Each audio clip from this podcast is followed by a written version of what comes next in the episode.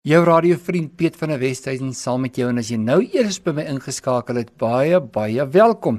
Lekker om tydens hierdie oggendoordenkingsprogram hier op Lekker FM 98.3 hart tot hart met jou te kan gesels. Het jy al die spreekwoord gehoor van waar gehasie?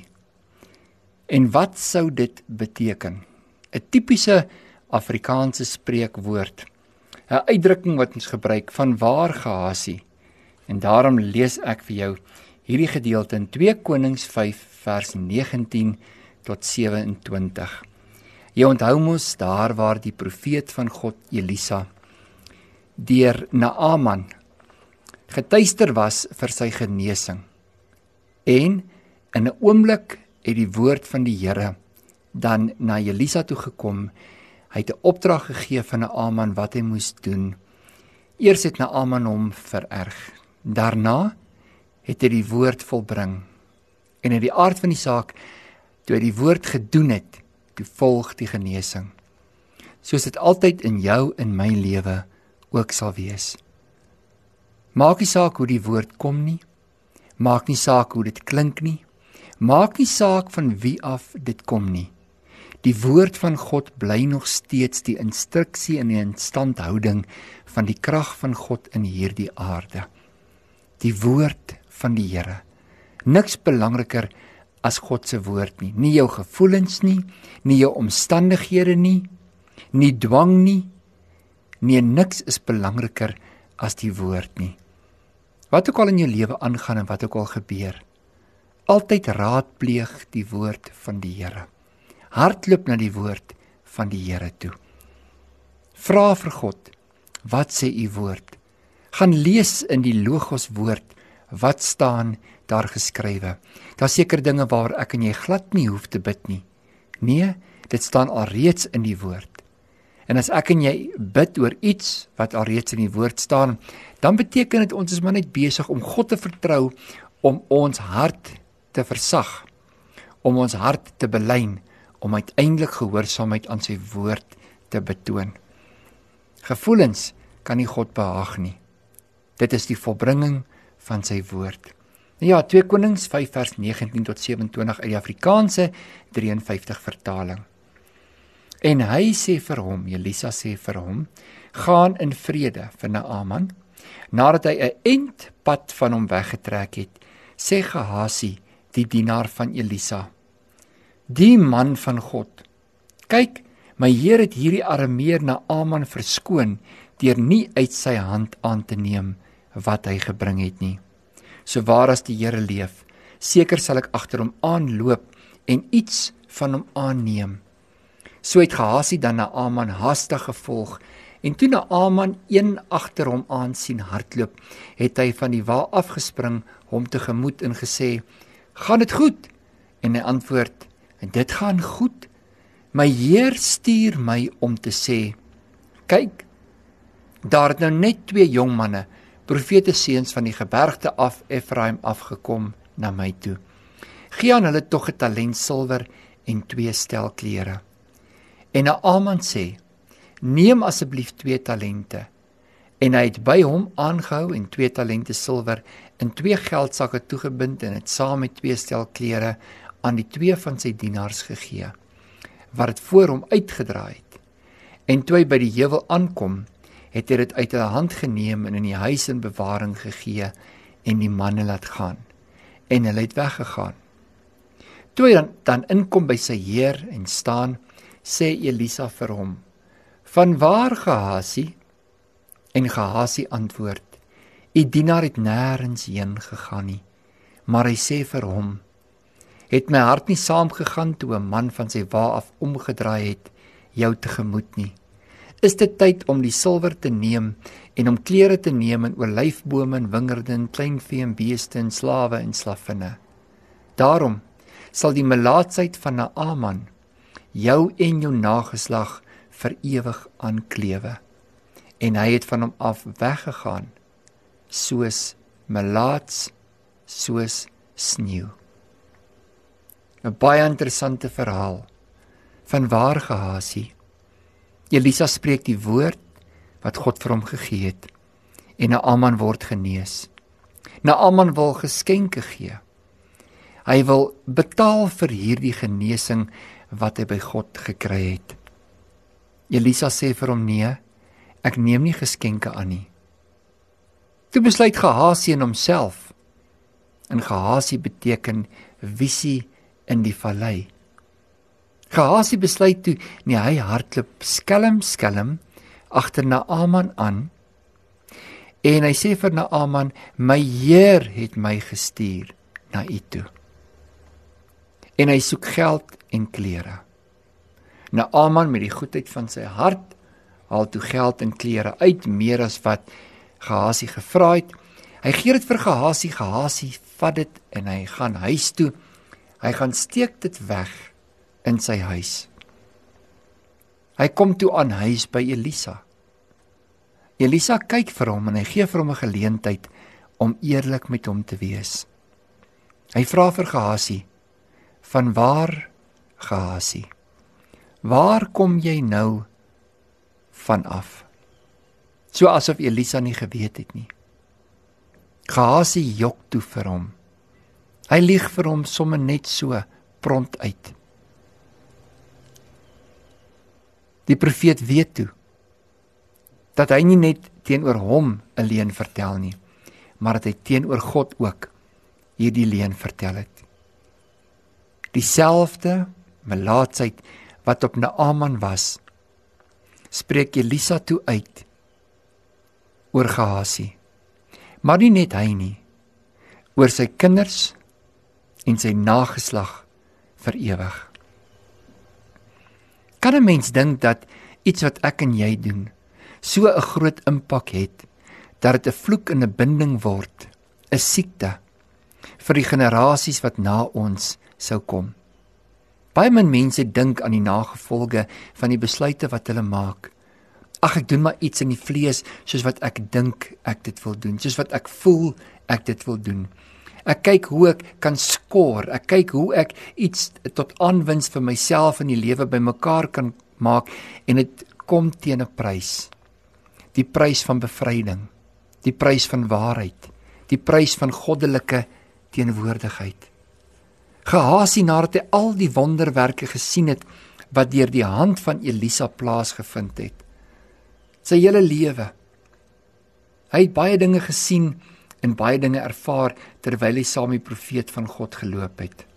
Maar tog het hy eintlik maar net God gedien vir wat hy uit hom uit kan kry. Daar's baie mense wat die Here net dien vir wat hulle uit hom kan uitkry. Ja, ek soek geluk. Ja, ek soek 'n goeie man, ek soek 'n goeie vrou. Ja, ek soek 'n goeie werk. Ja, ek soek genesing. Ons is so vinnig om te sê wat ons uit die deel uit wil kry. Dat ons verhouding met God eintlik aan die agterspeen gewoonlik drink. Dis nie vir ons die belangrikste nie. Ons dien God vir wat ons uit God kan uitkry en nie vir wie hy is nie. Elisa het geweet dat hy self het nie die genesing gegee nie. Dit kom uit God uit. Hy kan niks ontvang vir dit wat God deur hom doen nie, want dit is die genade wat hier voor hom in uitwerking plaasgevind het. Gehasie aan die ander kant Hy het gedink om persoonlik homself te bevoordeel uit die werk wat God in sy lewe gedoen het. Daar's baie werk wat God in jou lewe al gedoen het. Wat verwag God van jou ten opsigte van daardie werk? Hy verwag dankbaarheid. Hy verwag eerlikheid, hy verwag opregtheid. Hy verwag openhartigheid. Dat jy altyd in respek en eerbied teenoor hom sal wees dat jy aan hom die eer sal bring vir die goedheid en die werk wat hy in jou lewe elke dag so vrylik in jou lewe doen. Wat kan ek uit die deel uitkry? Wat is daar vir my in hierdie ooreenkoms wat ek met God het? Ek het my lewe nou vir God gegee. My lewe is syne. Dis wat God uit my in jou lewe kan uitkry wat werklik saak maak. Dit gaan nie oor die voordele wat ek en jy kry daaruit om God te kan ken en te kan dien nie. Eendag vra 'n man in die gemeente my: Pastor Piet. So, ek het net vir die Here hierdie maand my 10de gegee. Wat kan ek terug verwag van die Here af? Want hy sê toets my tog hierin. Ja, dit is so dat die woord sê toets my tog hierin. Maar weet jy wat die kern van daardie vraag vir my inhou? Is heeltemal in verkeerde gees. Ons gee nie vir God met 'n gesindheid van 'n verwagting om iets terug te ontvang nie. Ons gee omdat ons liefhet. Ons gee omdat ons eer. Ons gee omdat ons in dankbaarheid teenoor God staan vir wie God is en nie vir wat ons uit God kan uitkry nie. Baie mense raak teleurgesteld in hulle verhouding met God want hulle het hierdie een of ander idee gehad dat God soos 'n 'n genie of 'n guru of 'n towenaar iets uit die hoed uit met pluk en ruk en hulle lewens beter maak, regmaak sonder om die Here lief te hê vir wie hy is. Hom te dien vir wie hy is. Dat die verhouding in homself 'n goed genoeg beloning kan wees. My vriend my vriendin, daar is niks meer as 'n beloning as om die teenwoordigheid van God te kan hê nie. Om naby aan hom te kan leef nie.